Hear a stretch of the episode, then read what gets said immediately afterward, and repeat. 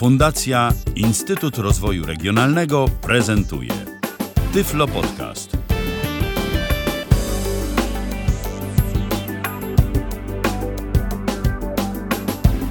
Dobry wieczór. W kolejnym odcinku Tyflo Podcastu witam serdecznie Państwa. E, dziś będziemy rozmawiać o książkach, o książce, e, zwłaszcza ostatniej naszego dzisiejszego gościa. A Państwa i moim gościem jest autor e, książki Niegrzeczna dziewczynka, pan Tomasz Wanzel. Witam Pana serdecznie. Dobry wieczór. Mm, może na początku dwa sprostowania. Jest to grzeczna dziewczynka i nie jest to ostatnia, lecz przedostatnia. Ostatnia ukazała się w lipcu tego roku, ale o grzecznej dziewczynce chętnie porozmawiam. Jasne, bardzo mnie to cieszy i raz jeszcze dziękuję za e, przyjęcie zaproszenia do naszej audycji. E, chciałabym e, jeszcze, jeśli będą Państwo mieli pytania e, do naszego autora, albo będą chcieli się Państwo podzielić refleksjami odnośnie przeczytanych książek, zaprosić Państwa do kontaktu. Można oczywiście kontaktować się z nami poprzez komunikator Skype na tyflopodcast.net, a także pod stacjonarnym numerem telefonu 123 834 835. Bardzo serdecznie zachęcam i zapraszam do kontaktu. E, na wstępie e, chciałabym poprosić Pana o przybliżenie swojej pisarskiej sylwetki naszym słuchaczom. Gdyby był Pan uprzejmy opowiedzieć w kilku słowach trochę o sobie i o swojej dotychczasowej twórczości.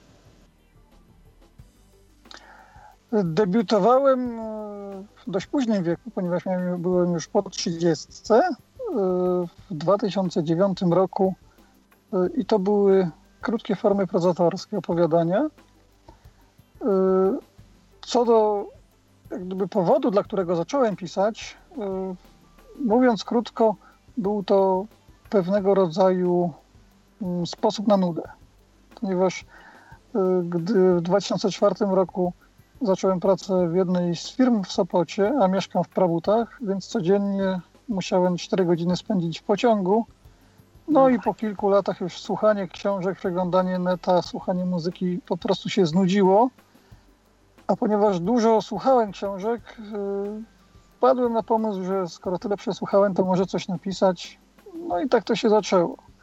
W 2010 roku yy, powstała moja pierwsza książka, powieść Dom w chmurach. Y, taką ciekawostką jest to, że w całości napisałem ją w pociągu właśnie podczas tych dojazdów do i z pracy. Y, a takim celem, dla którego ją napisałem, był konkurs literacki.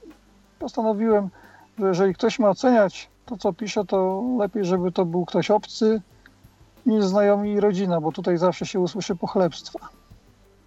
Mhm. I to jest jak gdyby naturalne, że jeżeli zwraca się do kogoś znajomego, słuchaj, przeczytaj, jak ci się to podoba, no to w 90% powiedzą, o super, fajne i tak dalej, i tak dalej. Natomiast niezależne jury ma to do siebie, że co prawda jest subiektywne, ale ocenia y, utwór bez y, kontekstu y, autora. Czyli nie bierze pod uwagę, kim jest autor, tylko po prostu oceniają utwór. Y, w tym konkursie ta książka zajęła drugie miejsce. No i później już jak gdyby tak mi się to spodobało, że w 2012 roku była kolejna książka, Hycel, później była Grzeczna dziewczynka, o której pewnie więcej powiemy, e, a w tym roku ukazała się, e, ukazał się zbiór opowiadań pod tytułem Żółty długopis. Aha, rozumiem. A co było tą taką jakby y, główną treścią czy takim rdzeniem albo mm, tą największą inspiracją, e, o czym chciał Pan opowiedzieć światu? To znaczy, jakie y, były, nie wiem, wartości, emocje, wszystko to, co się e, złożyło na to, że Oczywiście e, nagroda pewnie była też e, tą zachętą, bo to ten e, subiektywny aspekt oceny, ale mm, jakby myśląc o tych wewnętrznych pobudkach pańskich do pisania książek, Mm, na czym chciał się Pan skupić najbardziej? Jakim językiem chciał Pan przemawiać do czytelnika? O czym opowiedzieć światu? Jeśli chodzi o Dom w chmurach, bo to była to moja pierwsza powieść, regulamin nakładał pewne, regulamin konkursu nakładał pewne normy, czyli rzecz, ak, y, akcja musiała się dziać w górach, w Walimiu, to, jest, to są okolice Wałbrzycha. Y, natomiast ja przed utratą wzroku bardzo dużo y, chodziłem po górach i tamte rejony właściwie mogę powiedzieć, że znałem jak własną kieszeń, nadal znam jak własną kieszeń. Mhm. Więc jedną sprawę miałem załatwioną. Nie było dla mnie problemem umiejscowienie fabuły właśnie w tym miejscu. Y, postanowiłem wykorzystać troszkę mm, i historię, ponieważ w Domu w Chmurach jest opowiedziana historia y, pewnego dworku, y, który jest właśnie tytułowym domem w chmurach. Ale żeby też zachęcić jakby czytelników, postanowiłem przemycić do tej książki troszkę wątków autobiograficznych. Mm, książka opowiada historię zawodowego fotografa, który Y, po licznych perypetiach y, kupuje właśnie ten tytułowy dom w chmurach. Y, tam, że tak powiem, osiada. No i na skutek wypadku traci wzrok. Aha. No i ta książka jest podzielona jak gdyby na dwie części. W pierwszej części jest bardzo dużo opisów wizualnych, natomiast w drugiej części tam już przede wszystkim występują zmysły, które dla osób niewidomych są ważne, czyli jest y, bardzo dużo y, opisów związanych y, z zapachami, z dotykiem, pewne sceny, które można by przedstawić wizualnie, ja starałem się przedstawić właśnie w ten sposób, jak odbierają je osoby niewidome. Czyli trochę jakby przedstawił Pan tak bardziej plastycznie zjawisko kompensacji, gdzie wcześniej była ta tak. E, warstwa wizualna, a później e, jakby wszystkie te zmysły, które miały kompensować utratę, utratę tak, wzroku. Właśnie, tak? tak. Tutaj troszkę też postanowiłem przemycić z własnej biografii drogę, którą przebyłem od, po utracie wzroku do samodzielności. Czyli troszkę jest tam o rehabilitacji, Y, troszkę jest o urządzeniach, które wspomagają. Natomiast całość y, jest skomponowana jako powieść społeczno-obyczajowa. Y, są tam dość wyraziste postacie. W niektórych recenzjach pojawiają się takie sugestie, że mm, kobiety w tej książce nie są przedstawione w dobrym świetle. Ja troszkę się z tym nie zgodzę, ponieważ mimo, że Y, mają one swoje wady, y, są bardzo ważne dla głównego bohatera. Mhm, rozumiem. E, a chciałam zapytać o coś takiego. Żyjemy w takiej rzeczywistości okulocentrycznej, gdzie przemawia się do odbiorcy głównie przez tą warstwę wizualną, przez obrazy. E, ludzie nawet czytając książki, e, nie jakieś ilustrowane magazyny, tylko książki zwykłe, takie zaopatrzone w warstwę tekstową, e, nastawiają się na ten odbiór taki mm, bardziej w kontekście wzrokowym, wymagając od autora właśnie takich plastycznych opisów postaci, miejsc, w których akcja się toczy i tak dalej. Rzeczywistość się zmienia i w tej rzeczywistości są takie rzeczy, których Pan nie widział, tak? Będąc osobą niewidomą od jakiegoś tam czasu. E, czy nie obawia się Pan, e, że mm, jakoś e, pisząc książki jako osoba niewidoma, dla osób nawykłych do tego opisywania rzeczywistości na każdym kroku w książkach, gdzieś te opisy mogą być powiedzmy dla tych czytelników nawykłych do tego odbioru wzrokowego rzeczywistości w jakiś sposób mało czytelne, albo może ich być za mało, czy są zbyt skąpe. Jak pan uważa? Oczywiście rozumiem, że trudno jest być sędzią we własnej sprawie, tak? Ale e, czy jakoś zastanawiał się pan, obawiał się pan, że, że czegoś w tych opisach może czytelnikowi zabraknąć? To znaczy tak, wzrok straciłem w 1997 roku. Miałem wtedy mhm. 23 lata. Mhm. Więc można powiedzieć, że przez te 23 lata już tyle się świata naoglądałem, że, no, że wystarczy. W tym sensie żeby go później przekazywać piórem. No tak, ale przepraszam, że wejdę w słowo. Się, tak? Bo myślę, że jednak przez 20 lat świat się zmienia i to bardzo się zmienia. Zmienia się przestrzeń, zmieniają się jakieś e, formy urbanistyczne. Ludzie wyglądają zupełnie inaczej. Są e, jakby. No tu bym się nie zgodził, dlatego że y, ludzie nadal mają dwie ręce, dwie nogi, głowę i tułów. Samochody nadal mają cztery koła, no i w zależności od modelu ileś tam drzwi. Budynki nadal mają y, jakieś kształty i u góry dach, prawda? Są pewne rzeczy, których. E, no, takiej najbardziej podstawowej formie oczywiście tak, ale. Zmienia się moda na pewno. Zmienia się, zmieniają się fryzury, zmieniają się. E, w tej chwili e, mówię o kobietach. Zmieniają się, nie wiem, sposoby makijażu. Taką nowością, której ja już nie pamiętam, nie wiem, są na przykład telefony komórkowe. Mhm. Więc jak gdyby tutaj, gdy mm, czuję, że ten opis, który ja albo moja wyobraźnia wykreuje, mm, nie jest dla mnie samego zadowalający, y, po prostu y, sięgam po pomoc osób widzących. Mhm. Jak to Konfrontuje pan jakoś tak, te opisy, jak to w tej tak? chwili wygląda. Mhm. A czy myśli pan, że na przykład y, czytanie literatury współczesnej jest dla pana w jakiś sposób pomocne też w tym aspekcie, czy nie? Jakoś staram się nie wzorować, y, nie mhm. naśladować y, innych autorów i szczerze mówiąc, y, czytając, a sporo czytam, wydaje mi się, że mniejszą uwagę zwracam właśnie na te aspekty takie wizualne.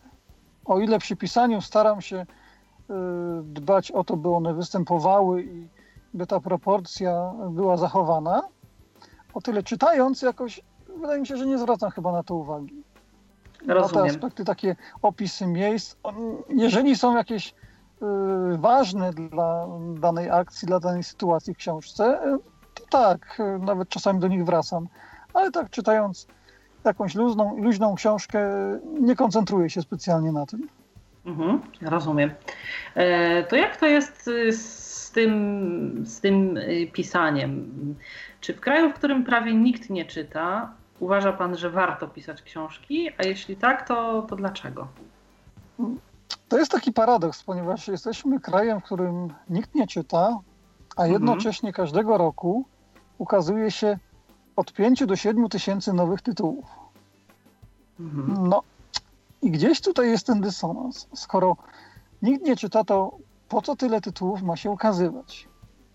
Powiedzmy, że yy, duża część są to przekłady ale y, kiedyś czytając opracowania za rok chyba 2015, y, przeczytałem, że rodzimych autorów, którzy w 2015 roku opublikowali książki, było około 3,5 y, tysiąca. Więc jednak sporo osób pisze. Dlaczego?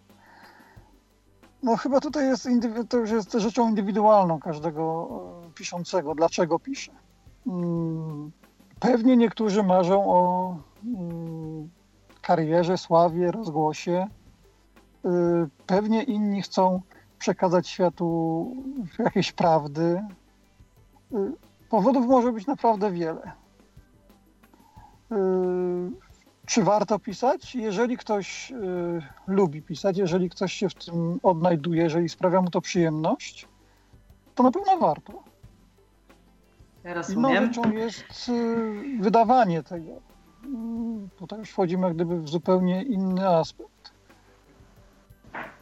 Bo y, też y, jest y, taka kwestia, że mm, w momencie, kiedy no, dużo ludzi też czyta głównie książki wypożyczane z bibliotek, gdzie książki wydawane powiedzmy relatywnie tak, na kieszeń zwykłego Kowalskiego E, są dosyć drogie. Są osoby, które kupują książki, a są takie, które w większości pożyczają książki tylko z bibliotek. Chyba nie tak łatwo jest e, namówić wydawnictwo do e, wydania książki, zwłaszcza jeśli jest się debiutantem, prawda? To znaczy, w moim przypadku ja poszedłem zupełnie inną drogą.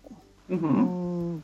Po doświadczeniach z pierwszym wydawcą Domu w chmurach, zmieniłem zupełnie podejście do tego tematu.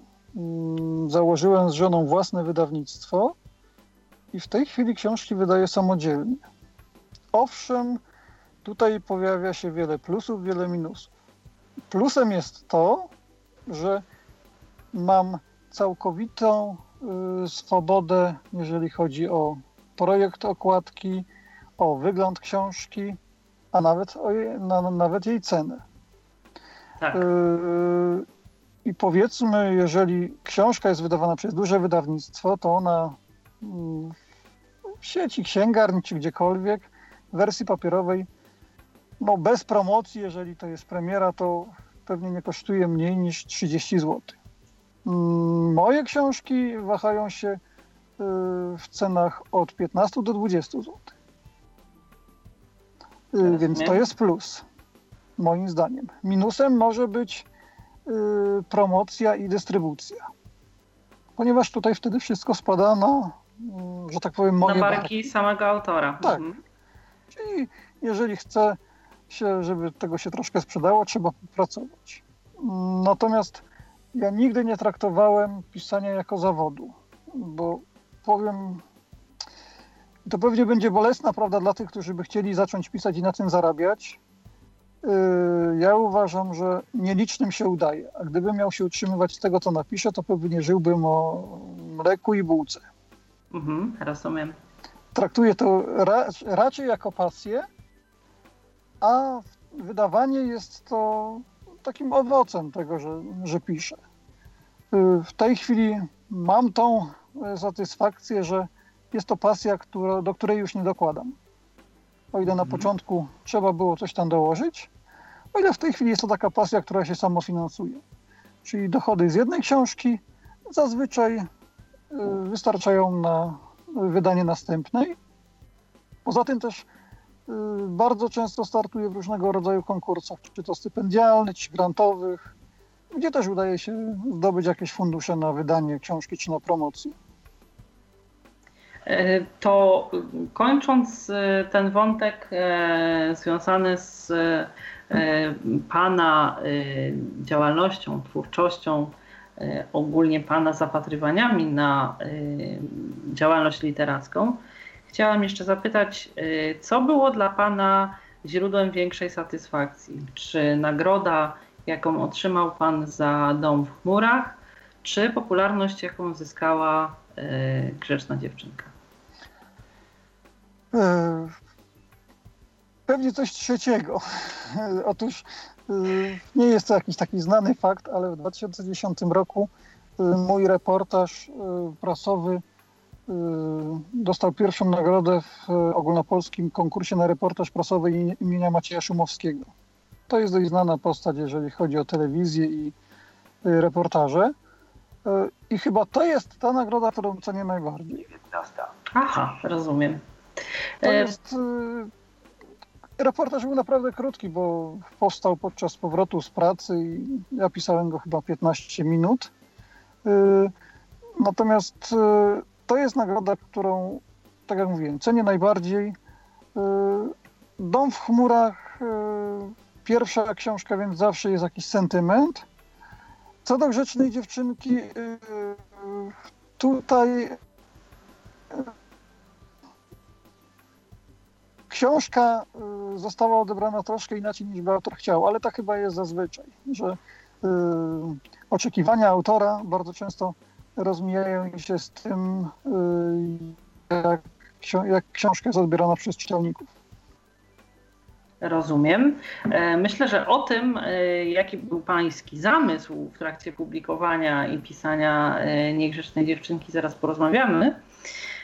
A chciałam jeszcze zapytać tak nieco przewrotnie, czy uważa Pan, że mm, Grzeczna Dziewczynka tak czy inaczej cieszyłaby się taką popularnością mm, jako element literatury kobiecej, E, czy po prostu mm, jakby e, po części e, wpisała się w nurt takich książek z podznaku 50 twarzy Gereja. I to sprawiło, że stała się takim sukcesem. W bardzo wielu recenzjach pojawia się taka sugestia.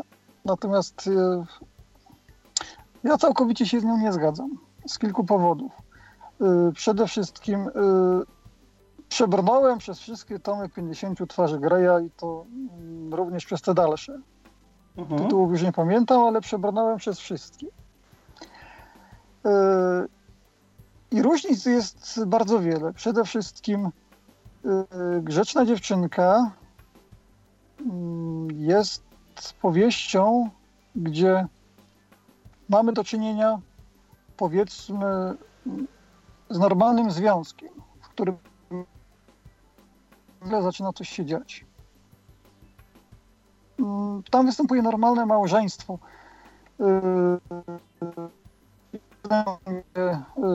Kobieta postanawia wrócić do przeszłości, do bardzo burzliwej przeszłości, ale tutaj jednak mamy do czynienia ze związkiem. To nie jest budowanie czegoś nowego. Po drugie, w grzecznej dziewczynce nie ma żadnego czerwonego pokoju. Czyli jeżeli ktoś Y, szuka tam y, bardzo mm, plastycznych opisów y, zbliżeń, czegoś, tak? Mm, może niekoniecznie zbliżeń, ale nawet takich dość perwersyjnych jakichś praktyk, mhm. to tego tutaj nie znajdzie.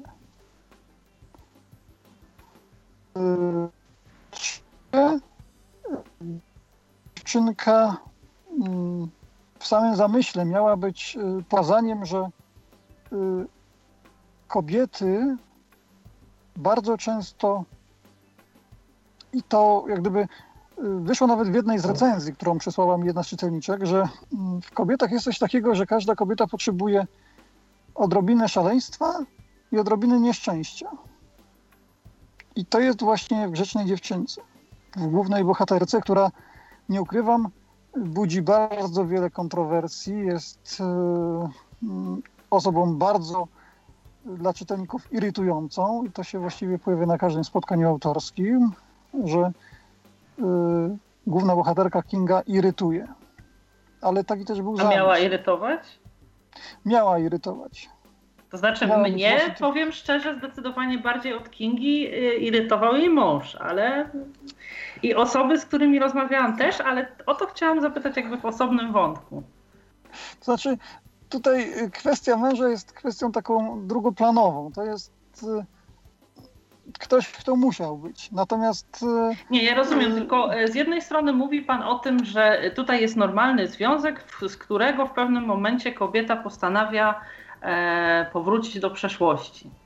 Dla mnie mm, oczywiście każdy ma inną jakby perspektywę patrzenia na związki, mm, patrzenia na rolę, jaką e, odgrywają osoby w swoim związku, albo na to też na ile e, jedno e, powinno iść w, nie wiem, fascynacje jakieś zawodowe, pasje czy cokolwiek innego e, drugiego. Dla mnie po pierwsze mm, Kinga i jej mąż Paweł e, są osobami, których nic nie łączy. Jakby poza samym faktem, że stanowią związek, ich nie łączy nic. E, jedno nie podziela pasji drugiego. E, gdzieś tam mm, w pewnym momencie, już nie chcę tutaj za bardzo opowiadać fabuły, tak, ale jakby gdzieś tam Kinga buduje mm, swoją zawodową tożsamość, tak? Otwiera przedszkole, i jakby bardziej angażują się jakieś osoby e, poboczne, koleżanka, mąż koleżanki, e, jakaś tam osoba przypadkowo spotkana na ulicy, e, niż jej własny mąż. Jedyna wzmianka o tym była tylko w kontekście takim, że mąż tam przeglądał z nią takie biznesplany, które miała zanim, zanim rozwinęła cały i jakby ja szanuję y, jakby taki opis, że w różnych związkach jest różna temperatura. Natomiast e, dla mnie gdzieś e, jakby ja trochę się tej Ginze nie dziwię, że ona gdzieś z tego związku wyszła, bo no bo no tak jak nawet trudno mi to jakoś opisać tak, w taki sposób delikatny, ale naprawdę i też właśnie osoby, z którymi rozmawiałam po przeczytaniu tej książki, y, chyba y, miały podobny odbiór, że, że ten, ten mąż, no to, to tak trochę sobie był, ale tak naprawdę to nie za bardzo wiadomo po co. Chyba, żeby miała od kogo odejść albo. Hmm. To znaczy tak, jeżeli Jak chodzi pan się o... odniesie do tego, do, do takiego... Znaczy, ich relacja wydaje mi się mm, nie jest czymś odosobnionym. Nie, na pewno nie. Myślę, że w bardzo wielu małżeństwach y, jest tak, że te osoby po prostu są ze sobą. Mhm. Y, nie wiem, dla wychowania dzieci, dlatego że kiedyś się w sobie zakochały. No tak, ale to był związek y, młody, nowy, taki jakby na początku wydawało się zdrowy, dobrze się zapowiadający i gdzieś. Tak, ale bardzo często te związki y, nie, nie od razu się psują. Tutaj też była, jak gdyby nie od razu się to wszystko popsuło. Owszem, y, zdradzają troszkę fabuły.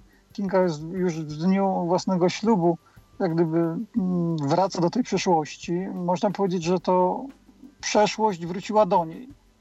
Mm, mhm. Zupełnym przypadkiem, ale tak się właśnie stało. Y, ale później przez jakiś czas można powiedzieć, że było zupełnie normalnie. Mhm.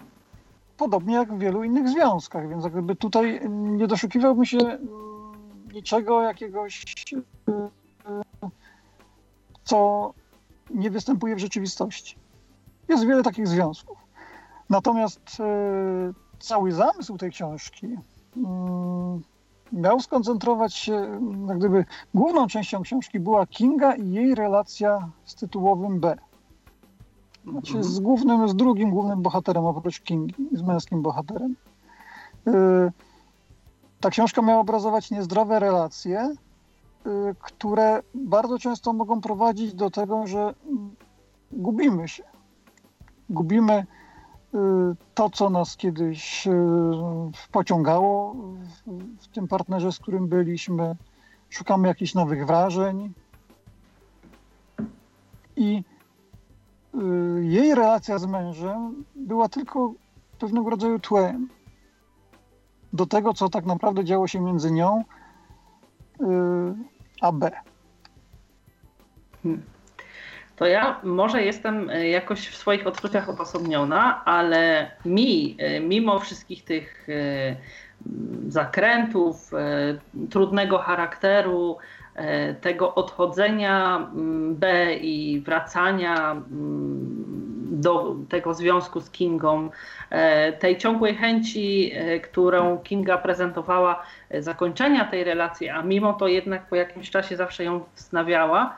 Dla mnie ta jej relacja z B poniekąd wydaje się zdrowsza niż jej relacja z mężem, bo w tej jej relacji z B jest trochę tego, o co w związkach chodzi.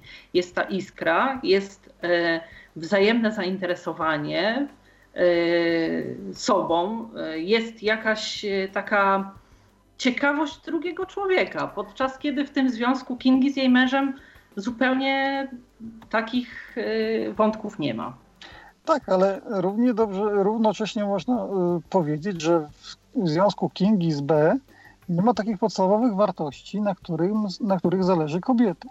Czyli nie ma czegoś takiego jak poczucie bezpieczeństwa, nie ma, nie ma czegoś takiego jak yy, miłość, ponieważ, yy, no już zdradzę jeszcze troszkę więcej fabuły, B yy, wprost mówi do Kingi, że on może dać jej wszystko.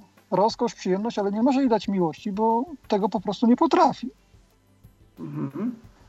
Więc w tym kontekście wydaje mi się, że jest to głównie mm, zafascynowanie ze strony Kingi. I y, mimo, że B otwarcie mówi, jak on widzi ich związek, to Kinga ciągle chyba ma nadzieję, że będzie jednak inaczej, że może on się zmieni, że to właśnie przy nim. Marzy o tym, ja żeby zostać matką jego dziecka też. Tak, mhm. tak. Ja mam wrażenie, że y, o ile przy Pawle ona ma poczucie bezpieczeństwa, stabilizacji, natomiast może nie ma tej tak zwanej iskry, o której pani mówiła, y, o tyle w tych kontaktach z B jest coś zupełnie innego. Te, to, czego nie ma w związku z Pawłem. Czyli można powiedzieć, że te relacje w pewnym sensie, nie wiem, czy, czy potwierdzi Pan, że taki był zamysł, one mają być w stosunku do siebie komplementarne. Że tak, jedna... mają się uzupełniać. Mhm. Rozumiem. A nie ma Pan takiego wrażenia, że mm, ten, e, wrócę jeszcze do, do tego e, męża mm, Kingi, że mm, on troszeczkę jako bohater w, pewnym, w pewnych momentach e, mógł być ciekawszy, że nie ma czegoś takiego, że on w jakiś sposób walczy o, o Kingę, walczy o to, że o jakość ich związku, że on tak jakby, no mimo, bo oczywiście mm, gdzieś tam y, jest, y, nie wiem czy taki był zamysł, ale jest taka nutka w czytelniku współczucia, y, że człowiek niewidomy, że zajmuje się dzieckiem, że tam gotuje obiady, że wykonuje swoją pracę i że stara się być dobrym mężem i tak dalej. I to jest wszystko ok, tylko gdzieś mm, on jest taki ok jako człowiek, natomiast w tym związku tak jakby trochę oddaje walkowerem, że mm, nie za bardzo jakoś zależy mu na samej tej Kindze jako osobie, tak? że on stara się dawać swoim życiem osobie jak najlepsze świadectwo, ale prawie, że jakby akceptuje to, że, że ona się mm, gdzieś tam odwraca, mm, nie, on nie za bardzo jej pyta, y, gdzie ty bywasz, y, że y, gdzieś tam spada temperatura emocji między nami.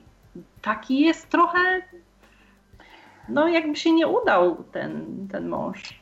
To znaczy, powiem inaczej. Po napisaniu Domu w chmurach postanowiłem, że nie w każdej, ale mniej więcej w drugiej książce mhm. będę starał się przemycać jakiegoś bohatera niewidomego, żeby pokazać Jasne. światu y, różne oblicza, bo przecież niewidomi są y, takimi samymi ludźmi jak osoby widzące, mają takie tak. same problemy, mają. I wie pan co, bardzo, bardzo mi się spodobało w pana książce. Przepraszam, że wchodzę w słowo, tak? ale to, że ten człowiek niewidomy nie jest bohaterem, społecznikiem, po prostu alpinistą, nie wiadomo kimś, tylko on jest zwykłym człowiekiem, który chodzi do pracy, zarabia na rodzinę, dba o dziecko, po prostu jak każdy inny e, facet na jego miejscu powinien. I, i to jest świetna rzecz. Mogę powiedzieć tak, bohaterem, znaczy takim bohaterem, supermanem to był yy, główny bohater domu w chmurach. Mhm. Mm, to tak. Natomiast tutaj zamierzenie było takie, że to będzie zwykły człowiek. Tylko później, gdy już książka okazała się na rynku, gdy została przez ileś tam set osób przeczytana, na wielu spotkaniach autorskich pojawiał się taki motyw, że mm, właściwie ta Kinga to jest taka perfidna. No, niektórzy to nawet mówili mm, bardziej do, dosadnie. No jak można oszukiwać niewidomego? No i tutaj sobie pomyślałem, że kurczę, może ten bohater jednak powinien być widzący. Wtedy byłoby tak, może normalnie, no.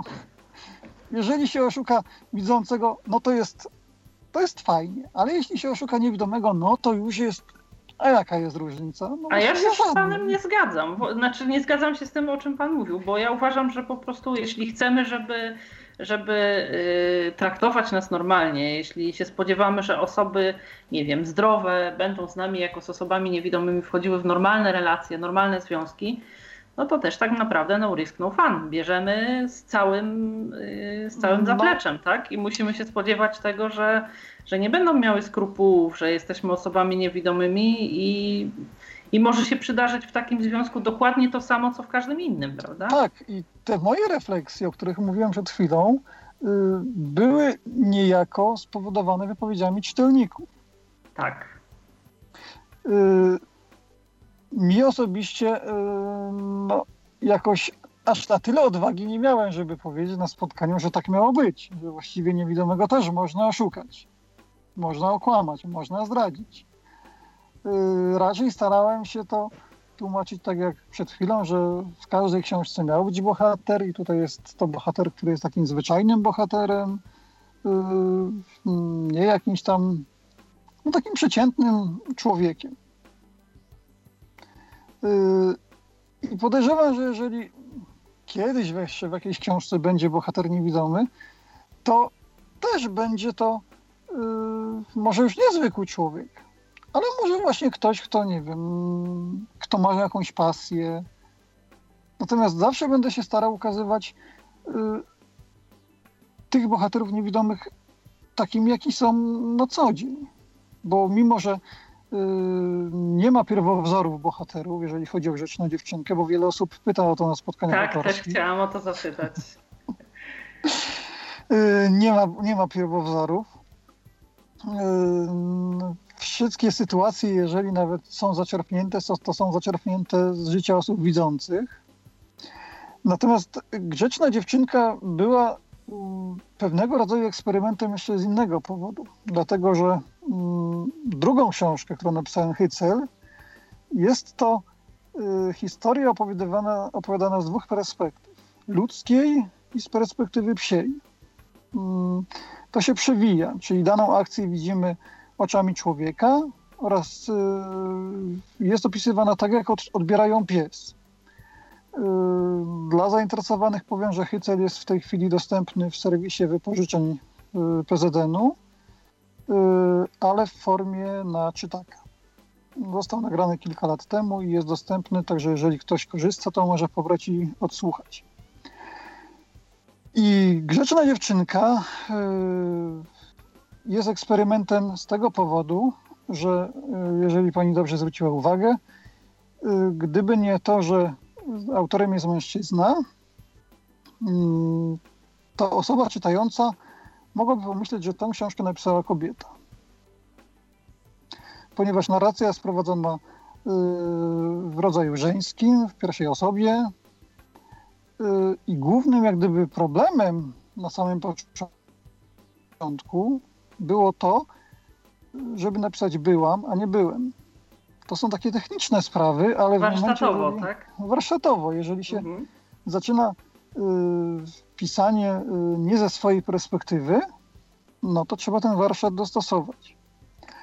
Natomiast y, bardzo mm, wiele, jeżeli chodzi o psychikę kobiet, y, może nie jestem mistrzem, ale y, w momencie, gdy pracowałem w Sopocie, w moim dziale na 10 osób było tylko dwóch mężczyzn pozostałe kobiety, powiem tak, pierwsze dwa miesiące to był nieustanne dziwienie się i otwieranie ust ze zdumienia. Ponieważ y, Boże, te kobiety pan pracował, że teraz wychodzą panu takie kingi? Y, z normalnymi kobietami, które y, w pracy chyba zapominały, że wokół są, jest dwóch facetów rozmawiały właściwie o, o wszystkim. Nawet o, o, bardzo intymnych sprawach otwarcie, tak jakby nas tam nie było, jakbyśmy byli powietrzem. Szczęściarze. I po pewnym czasie ja po prostu się do tego y, zacząłem przyzwyczajać, że może tak mhm. właśnie jest. I taką y, może nie y, naczelną, ale bardzo często powtarzaną anegdotką, którą powtarzam na spotkaniach, które przytaczam na spotkaniach autorskich, jest sytuacja Y, z szalikiem. I to może też obrazować y, sposób, w jaki myślą kobiety i mężczyźni. Otóż pewna, y, jedna z koleżanek chciała kupić sobie szalik. To było jakoś w listopadzie i przez trzy tygodnie to grono kobiece rozmawiało o tym, jaki to będzie szalik. Doradzały jej. No i po tych trzech tygodniach, gdy jechałem w poniedziałek do pracy, to już nawet ja sam byłem ciekawy, jaki ona ten szalik kupiła. No i w momencie, gdy nastała przerwa śniadaniowa, zebraliśmy się w kuchni, no i pytamy, jaki ten szalik? Ona mówi, ona mówi kupiłam opaszkę. O. No i to jest jak gdyby, dla mnie, dla faceta, jeżeli idę do sklepu, to mówię, że chcę szalik taki i taki, o mniej więcej takich i takich kolorach, z frędlami lub bez. Kobiet to nie jest takie proste. No tak. I yy, wydaje mi się, że przez te 6 lat yy, poznałem tą stronę kobiecej psychiki, o której mężowie nawet nie wiedzą, że w ich żonach istnieje. Ponieważ jest to taka, wydaje mi się, osobna część, która jest uwalniana wtedy, gdy jest y, w gronie koleżanek i zapomina, że gdzieś tam z boku dwóch facetów siedzi przy komputerach i robią to samo co one. Mhm, rozumiem. E, to na kanwie tego, o czym teraz Pan opowiedział, e, odejdźmy na chwilę od tego mm, niebywale przydatnego doświadczenia w kontekście pisania tej książki. E, czy uważa Pan, że literaturę kobiecą powinni pisać mężczyźni, powinny pisać kobiety?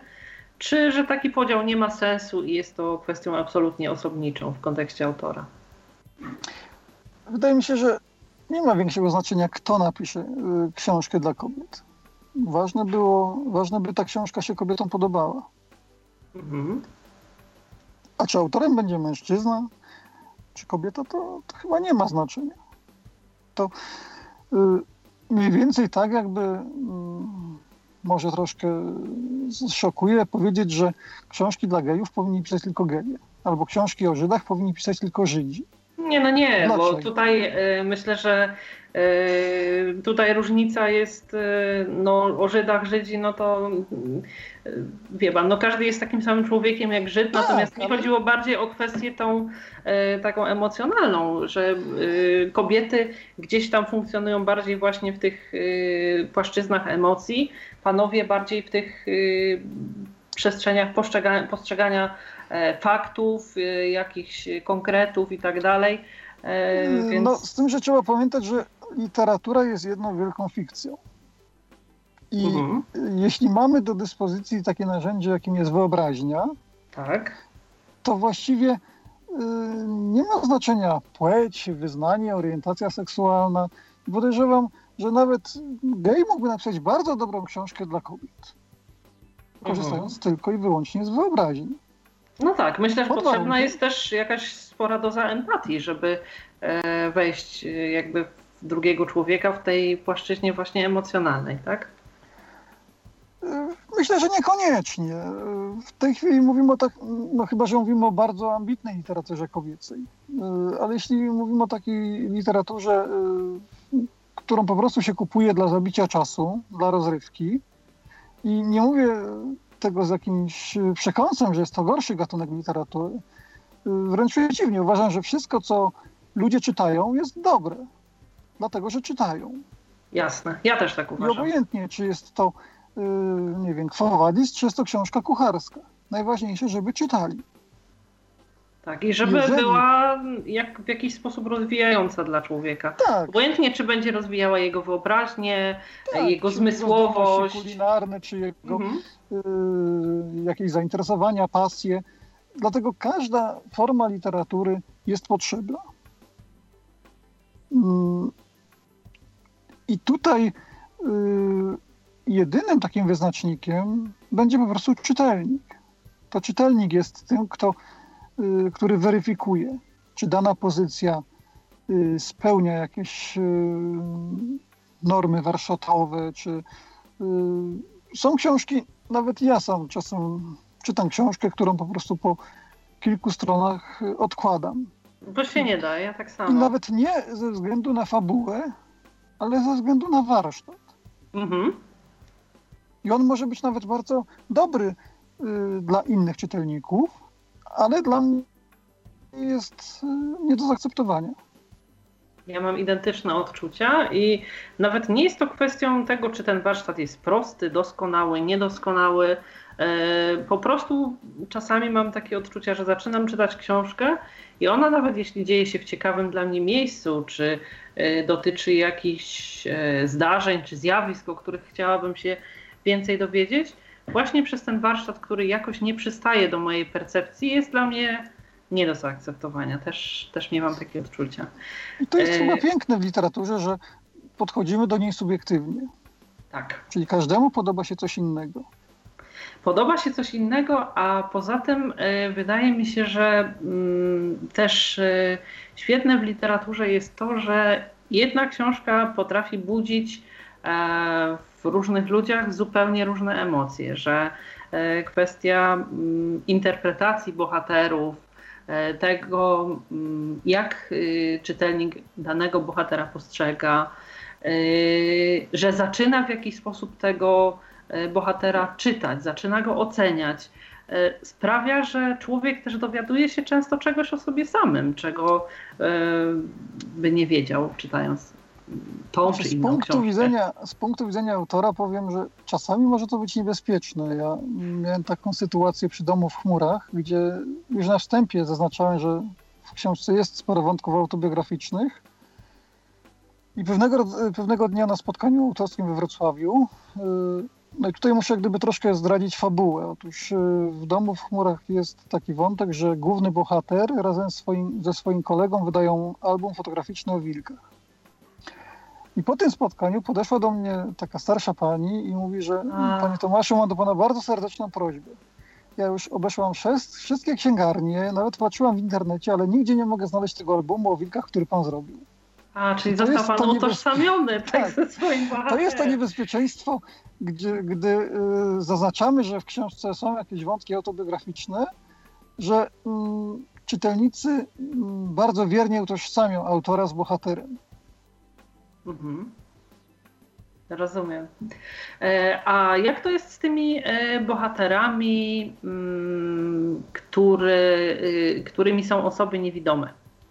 Czy na tych spotkaniach czytelnicy pytają pana, e, do jakiego stopnia pan jakoś tam z nimi się utożsamia, albo co konkretnie w danej pozycji chciał pan opowiedzieć o osobach niewidomych? Czego pan czytelników chciał nauczyć, bo nie wiem, czy też y, formę takiej y, misji gdzieś pan w tych swoich książkach przemyca, czy taki jest zamysł, czy nie.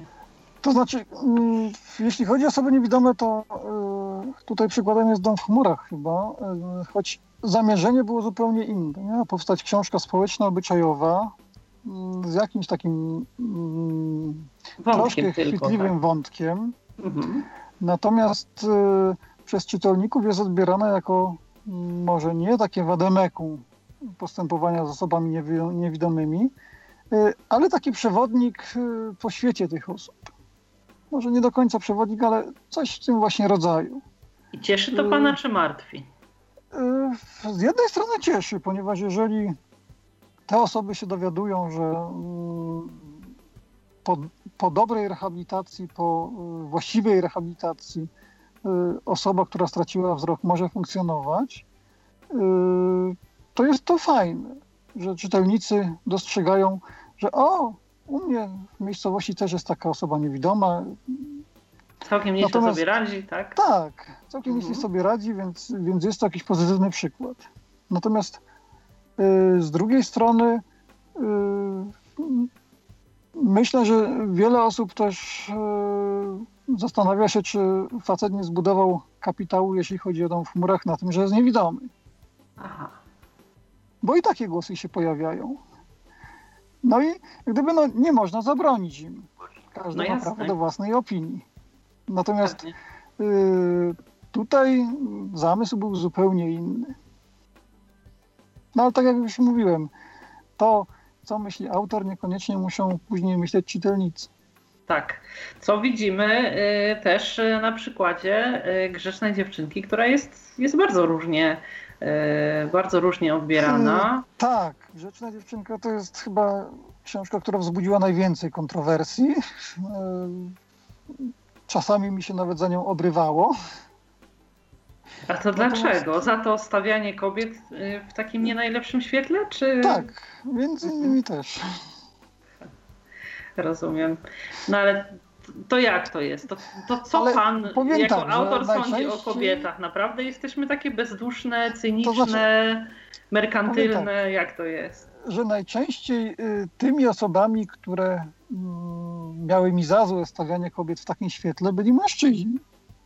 O, a to bardzo ciekawe. Więc y, no, chyba zostawię to bez komentarza, dlaczego kobiety nie miały nic przeciwko temu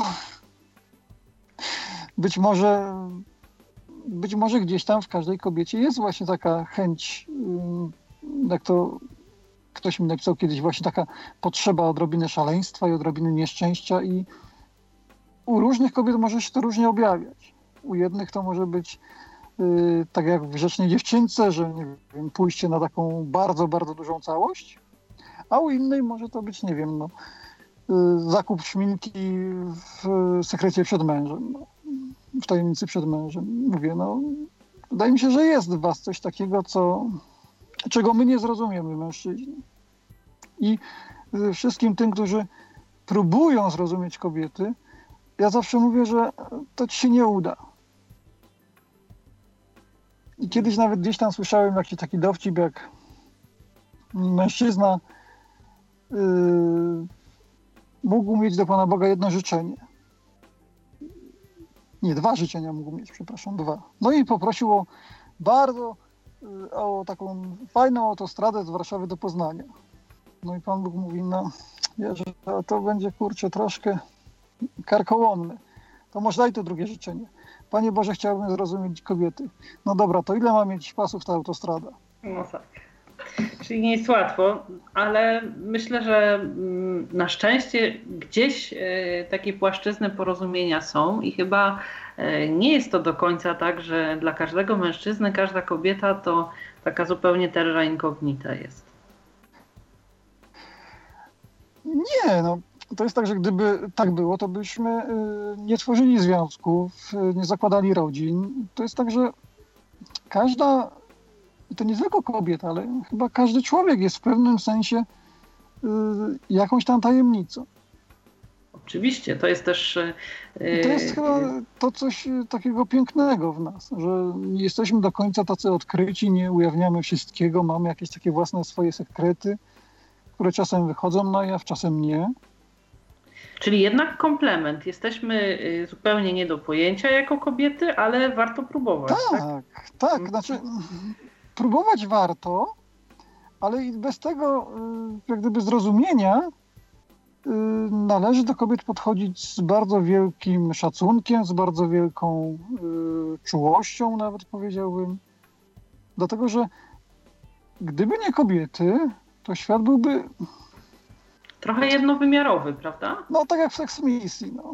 Gdyby nie mężczyźni, to, to byłoby to samo. Mhm. Więc jak gdyby w pewnym sensie jesteśmy na siebie skazani, ale nie musi to być więzienie. Super, świetnie. Może to być nawet raj, jeżeli się obie strony postarają. E, to mm, chciałabym e, zapytać jeszcze o e, taką kwestię. Mm, Myśli Pan o napisaniu kiedyś jeszcze podobnej książki do Niegrzecznej Dziewczynki? Czy w jakimś sensie Pan jako pisarz dla siebie osobiście ten format już wyczerpał? Wiele osób pyta, czy będzie kontynuacja Grzecznej Dziewczynki. Yy, zna Pani zakończenie, więc yy, wie Pani, że w pewnym sensie jest to już zamknięta całość. Tak. Yy, I pewnie trudno byłoby wymyślić kontynuację tego wątku. Czy powstanie inna książka w takim formacie? Nie wiem. W tej chwili nawet nad tym nie myślałem. Może dlatego, że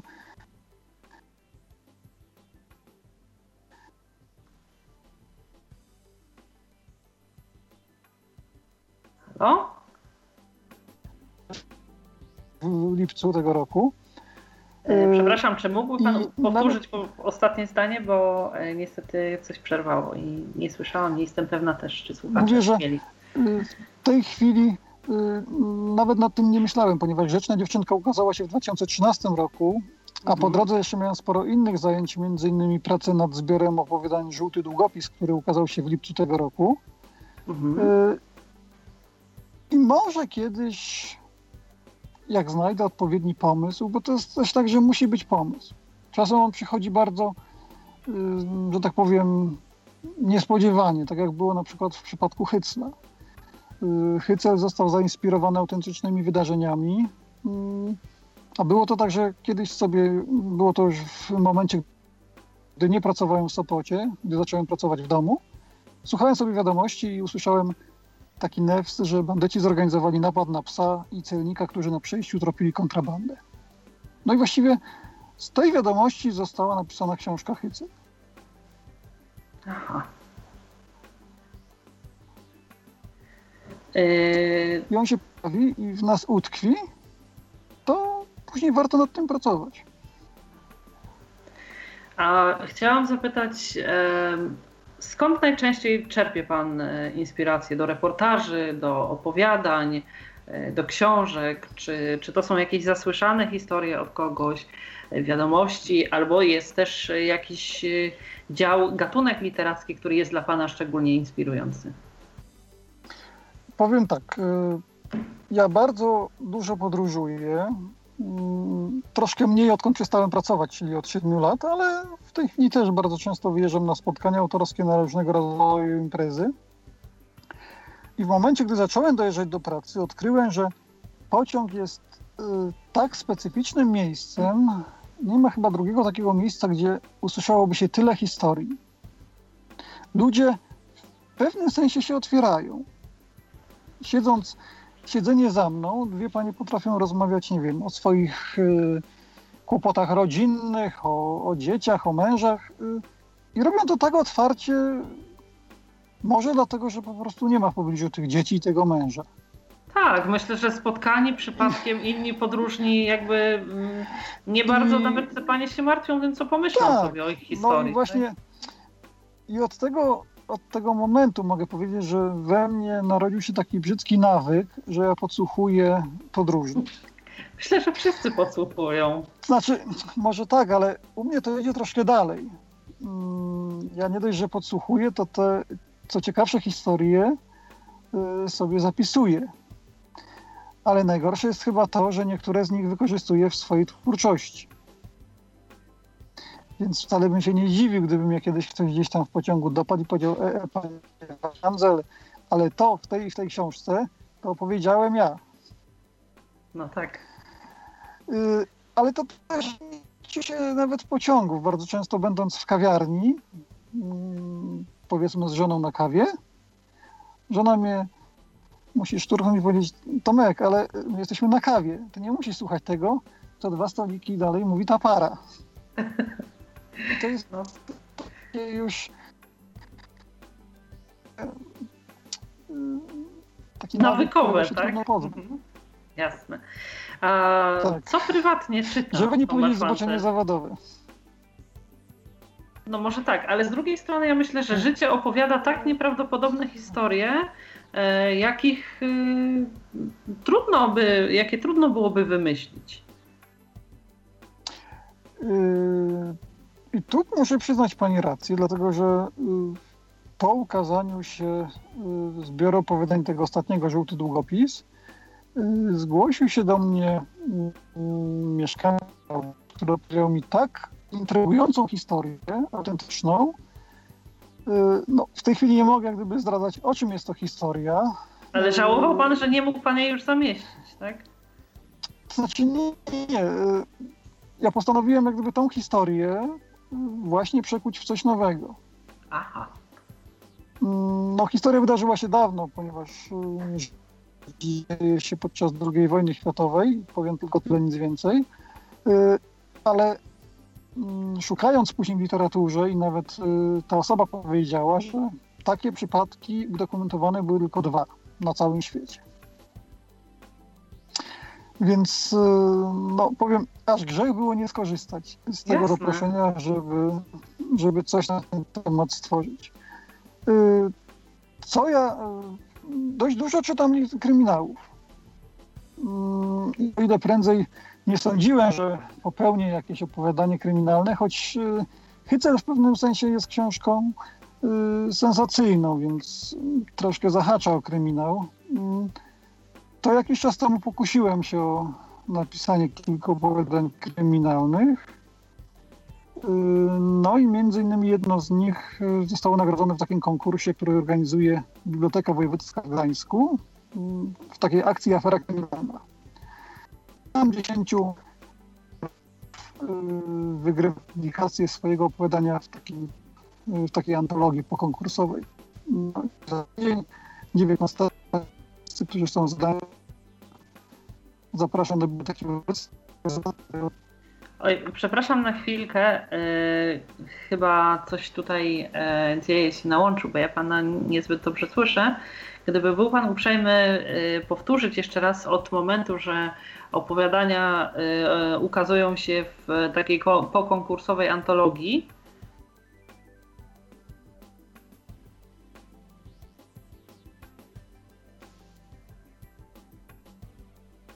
Halo?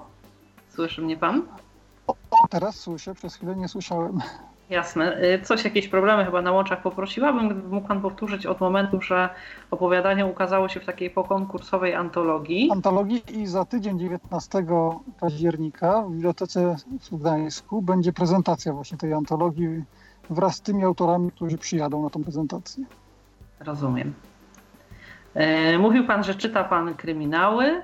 E, a jakaś literatura e, obyczajowa, powieści również e, mieszczą się wśród tych ulubionych przez Pana pozycji?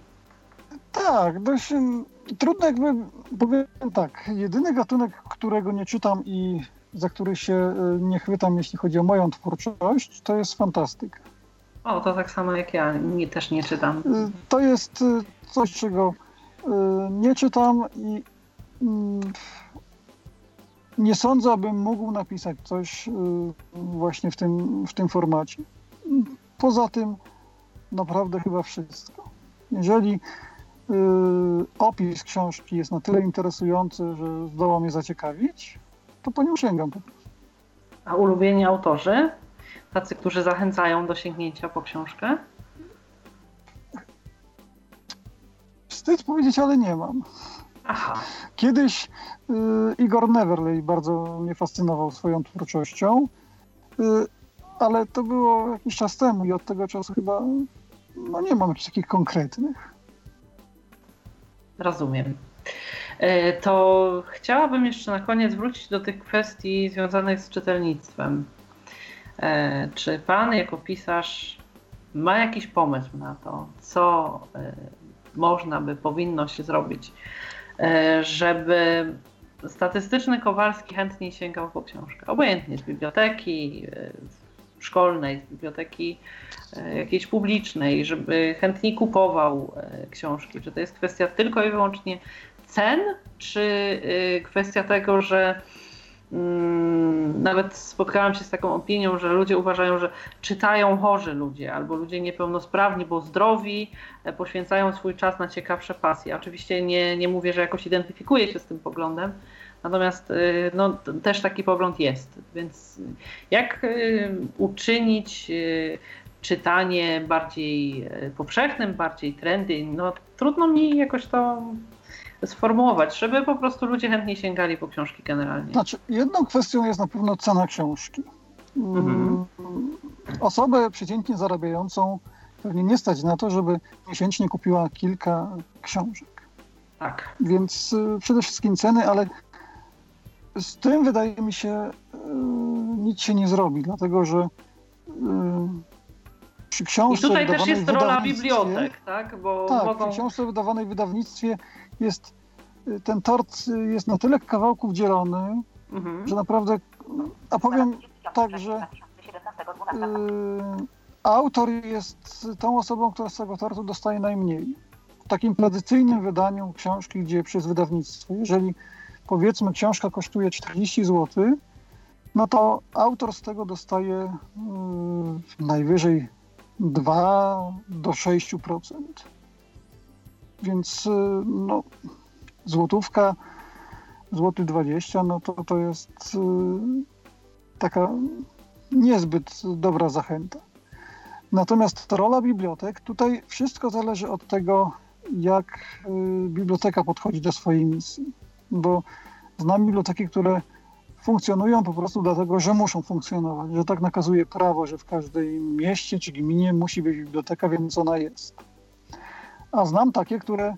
Yy, śledzą rynek wychodzą, wydawniczy. Znaczy, nie tyle, nie tyle śledzą, ale same starają się wyjść do czytelnika.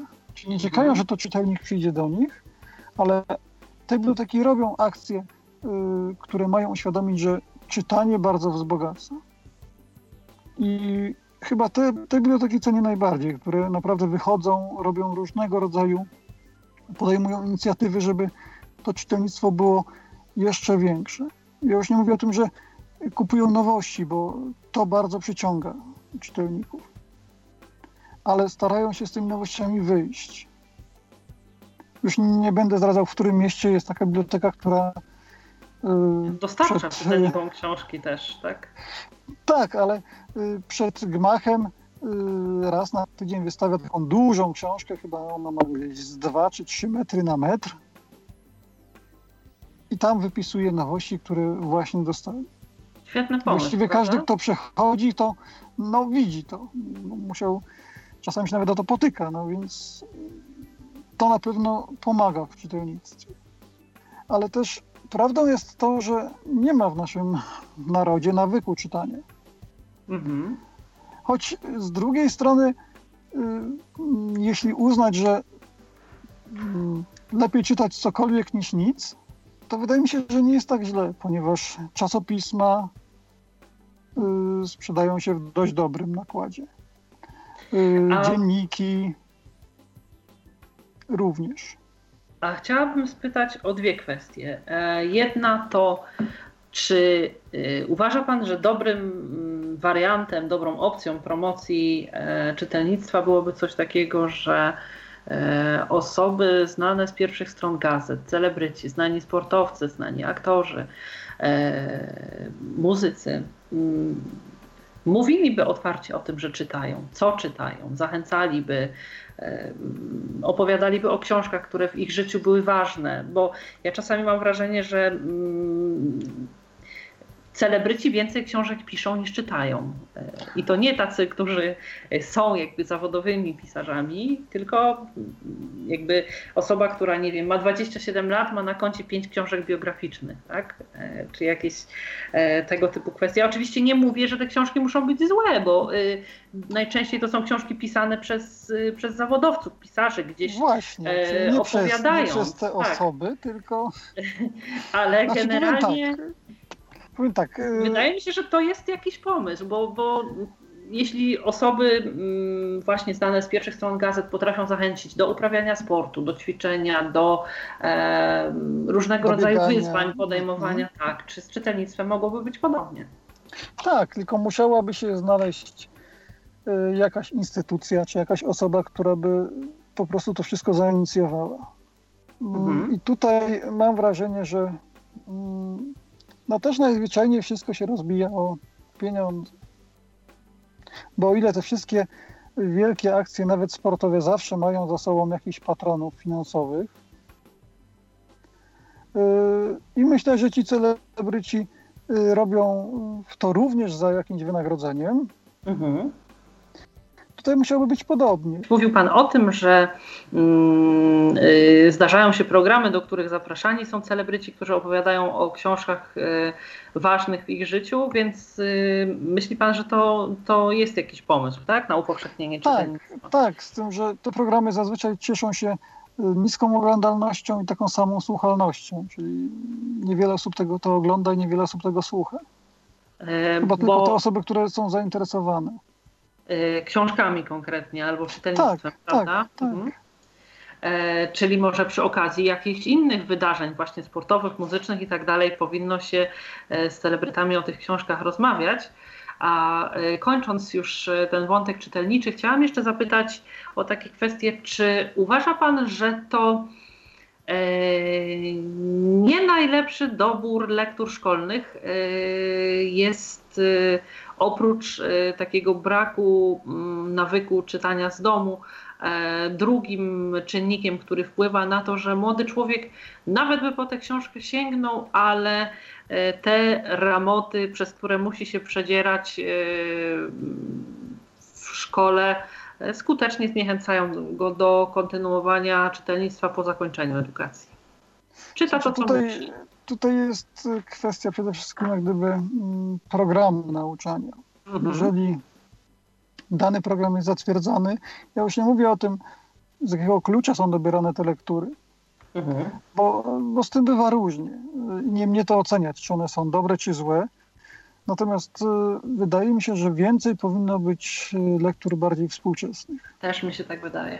I o ile historia jest bardzo ważna i powinno się sięgać po takie żelazne pozycje z polskiej literatury i literatury światowej, o tyle warto tą listę troszkę odświeżyć. Warto dodać troszkę nowości, po które młodzież, przynajmniej część z tej młodzieży, czy tak, czy tak sięgnie. Mhm. Ja już nie mówię o, o hicie, którym był Harry Potter. No, bardzo dużo osób to czytało. Tak. I czytały go nawet osoby, które e, gdzieś tam właśnie nie są z książką na co dzień tak, za pan brat. Tak. Mhm. To jest jak gdyby też e, ta siła e, marketingu, czyli zainteresować kogoś czymś, co właściwie go nie interesuje ale tutaj już jak gdyby wchodzimy w zupełnie inne kwestie. I może właśnie to jest y, też kwestią taką, że to jest jakby wskazówka, że y, w przypadku y, Harry'ego Pottera udało się mm, zachęcić do czytania, bo oczywiście to jest książka mająca swoje zalety, mająca wielu zwolenników, ale też jakby mm, czytanie jej y, w pewien sposób udało się utożsamić z czymś, co jest e, ciekawe, interesujące, fajne, nowoczesne, e, takie mm, właśnie w, w, pewnym sensie mm, takie współczesne, nowoczesne, nie, nie było. Y, no takie na topie. Czytanie, tutaj, tak, właśnie. Ale tutaj mówię, Wydaje mi się, że przede wszystkim ta machina marketingowa to sprawiła. Podobnie jak z wieloma innymi książkami. Y, nie wiem, żeby choć przytoczyć kilka ostatnich przykładów. Y, Dziewczyna z pociągu, mhm. która, y, którą osobiście uważam za dobrze napisaną, ale średnią książkę. Ja też. Dla mnie była zupełnie nijaka, ale yy. rzeczywiście. O, i tutaj zadziałał e, wątek też trochę celebrytów, o którym mówiliśmy wcześniej, bo e, aktorka jedna czy druga, reżyserka mówiły, że nie mogły się od niej oderwać, że to e, tak. świetna książka, która je wciągnęła. I, i, I tutaj to się udało, tak? Tak, i dlatego mówię, im większa jest to machina, e, tym bardziej, że tak powiem, mm, sprzedawalność danej pozycji będzie rosła. Później za tym wiadomo idą y, kolejne inicjatywy typu może zrobimy z tego film. Mhm. Y, tak jak w przypadku Harry'ego Pottera później powstało przecież y, powstał spektakl teatralny, więc jak gdyby możliwości jest wiele.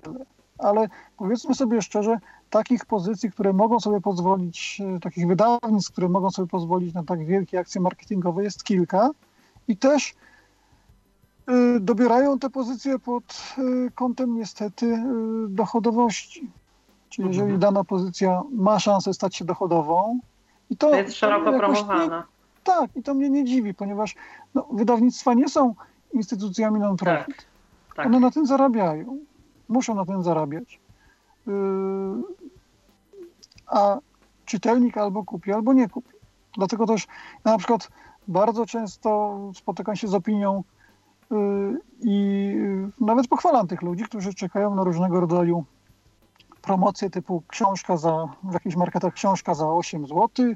Albo trzecia gratis. Zł, albo trzecia gratis, ale i to jest bardzo fajne, ponieważ można kupić niekoniecznie jakieś nowości, ale książki, których się nie przeczytało i po które nie sięgnęłoby się, gdyby były w takiej standardowej, komercyjnej cenie. Jasne. A wydawnictwa już to, co miały zarobić, to na danej pozycji zarobiły i mogą sobie pozwolić na to, żeby tą książkę y, puścić lekko powyżej kosztów za 8 zł. Oczywiście. Miejmy nadzieję, że y, takich akcji i akcji promujących czytelnictwo y, będzie coraz więcej. Mm, mam też nadzieję, że będzie na rynku pojawiało się wiele ciekawych książek i że z Pana książkami będziemy mieli przyjemność jeszcze e, się zapoznawać w przyszłości? No powiem tak, Grzeczna Dziewczynka będzie nagrywana y, w tym roku, pod koniec tego roku ma być nagrywana, więc pewnie w serwisie wypożyczeń pojawi się na wiosnę. A Więc czy osoby- będzie dostępna również e, mm, w sprzedaży Co? jako audiobook?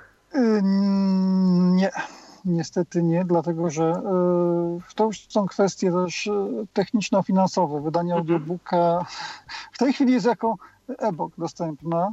Właściwie Mhm. wszystkie oprócz domu w chmurach, który w tej chwili jest w opracowaniu do wersji e-booka.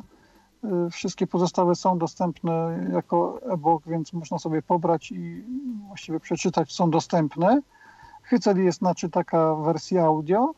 No i w tej chwili Grzeczna Dziewczynka będzie przetwarzana na wersję audio, ale też na czytaka. Więc jest to pewnego rodzaju ograniczenie, a tak jak mówię, w wersji e-booka spokojnie można i Szukać. to szukać i, no i po prostu czytać. Jasne, bardzo serdecznie zachęcam. E, Ja po mm, lekturze Grzecznej Dziewczynki na pewno z przyjemnością sięgnę po inne Pana książki, do czego zachęcam również Państwa. E, Przypomnę, że Państwa i moim gościem był dziś Pan Tomasz Wandzel, e, autor e, Grzecznej Dziewczynki i innych książek. Bardzo, bardzo serdecznie dziękuję Panu za Ja przyjęcie naszego zaproszenia. Bardzo dziękuję za ciekawą rozmowę, nie tylko o książkach, ale i o kobietach i o czytelnictwie. Mam nadzieję, że jeszcze w przyszłości będziemy mieli okazję spotkać się z Panem i porozmawiać o, o innych yy, napisanych przez Pana książkach. Bardzo chętnie. Zapraszam do wysłuchania kolejnych odcinków Tyflo Podcastu i dziękuję za uwagę. Kłaniam się do usłyszenia. Ala Witek. Był to Tyflo Podcast. Pierwszy polski podcast dla niewidomych i słabowidzących. Program współfinansowany ze środków Państwowego Funduszu Rehabilitacji Osób Niepełnosprawnych.